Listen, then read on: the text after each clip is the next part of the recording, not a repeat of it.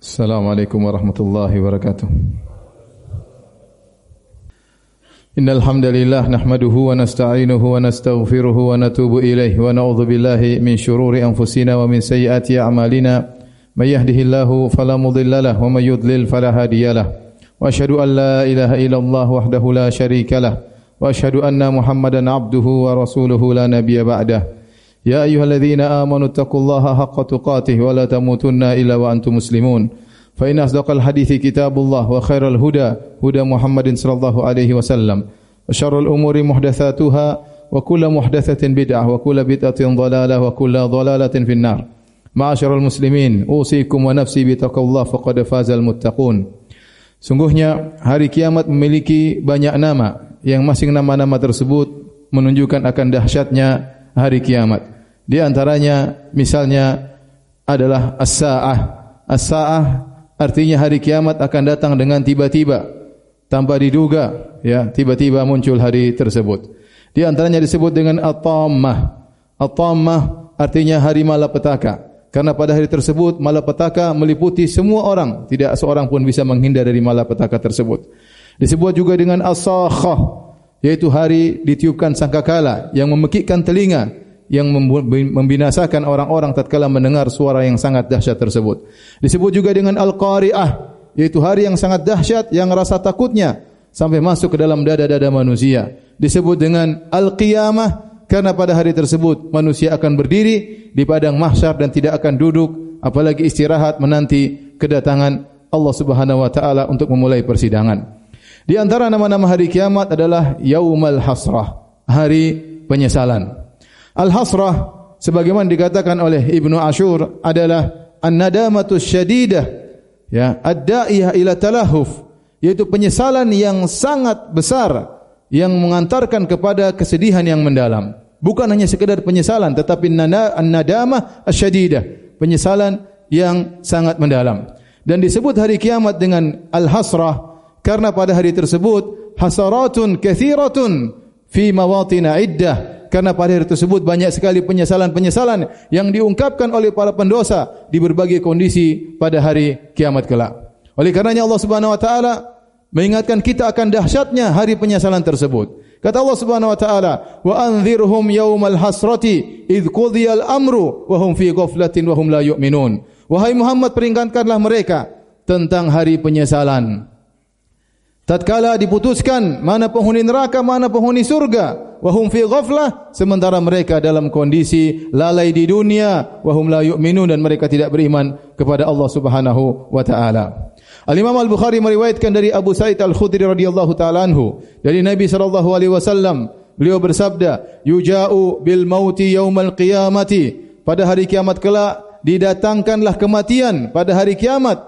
Ala hayati kabshin amlah yang kematian tersebut didatangkan dalam bentuk seekor kambing ya seekor domba yang berwarna putih ada warna hitam sedikit fayuqafu baina al-jannah wan nar kemudian kematian tersebut diberhentikan di antara surga dan neraka. Fayuqal maka dikatakan, "Ya ahlal jannati, hal ta'rifuna hadha?" Wahai penghuni surga, tahukah kalian siapa ini? Fayashra'ibuna wa yanzurun, maka mereka pun menjulurkan leher mereka dan mereka memandang kepada kematian. Fayaqulun mereka berkata, "Na'am, hadzal maut." Kami tahu ya Allah ini adalah kematian.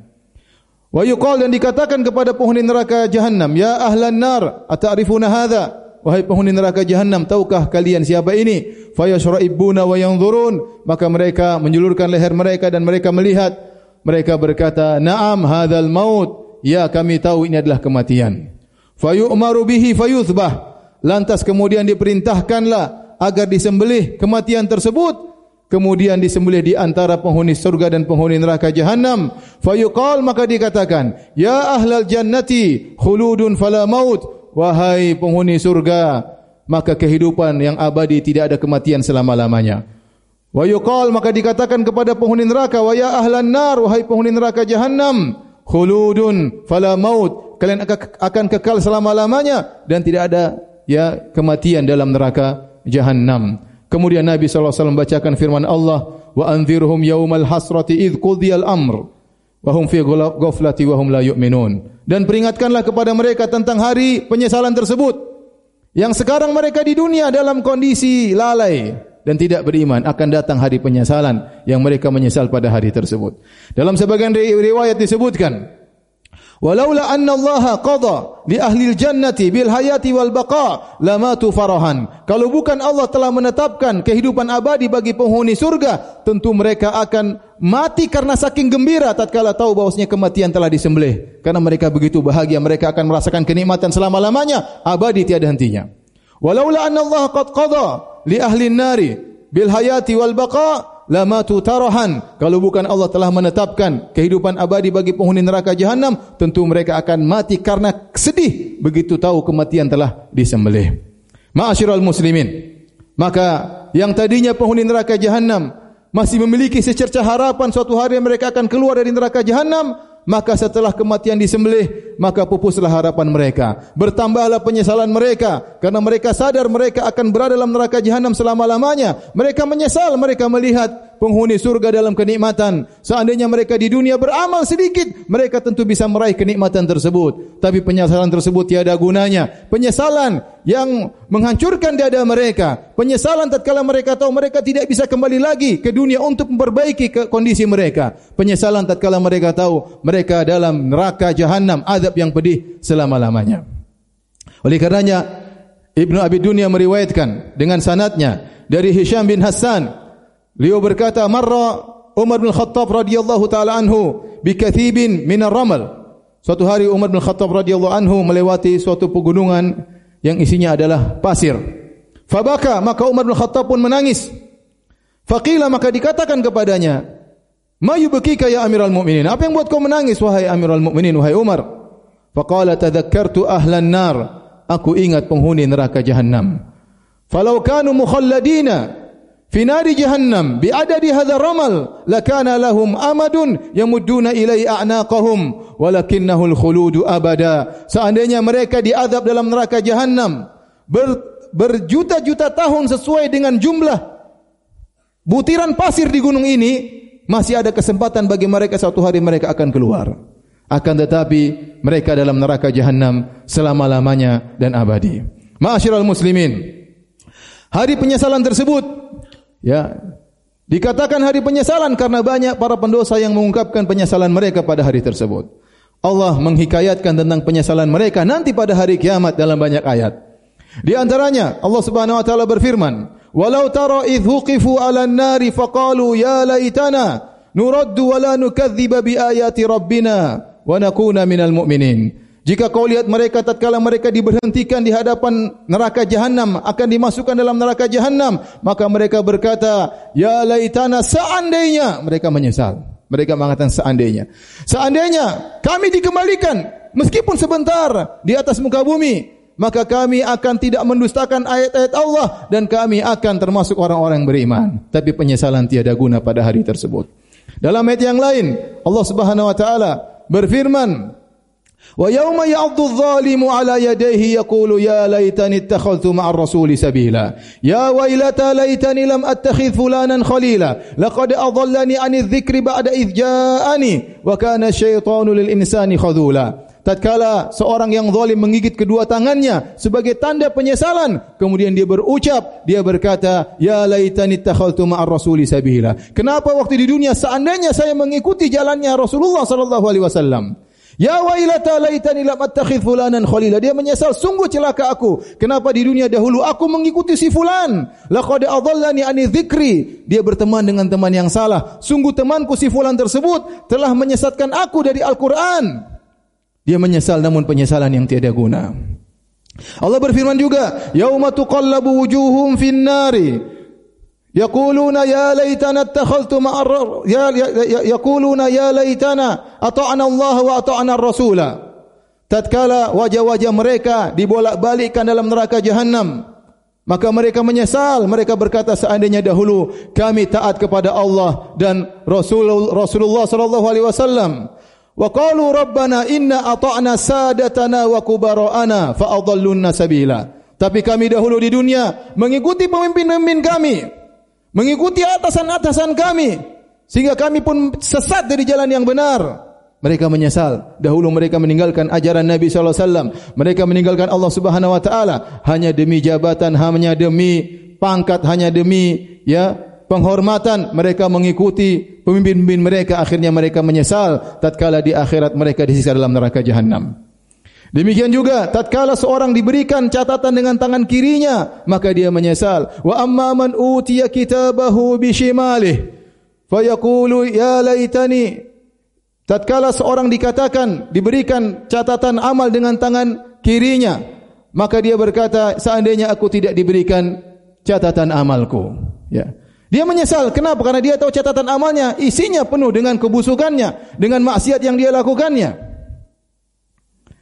maka penyesalan tiada guna pada hari tersebut. Rapot sudah dia terima, tidak bisa dia rubah lagi.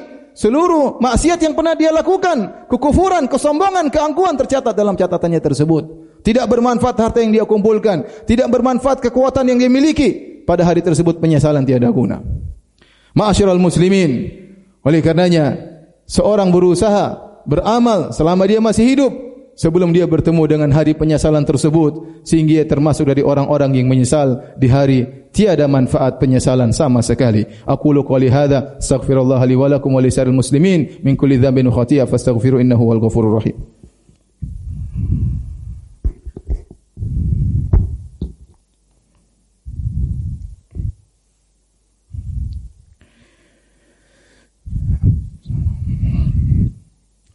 Alhamdulillahi ala ihsani wa syukru lahu ala taufiqihi wa amtinani. Wa ashadu an la ilaha illallah andahu la syarika lahu ta'ziman li sya'nih. Wa ashadu anna muhammadan abduhu wa rasuluhu da'ali ridwanih Allahumma salli alaihi wa ala alihi wa ashabihi wa ikhwani.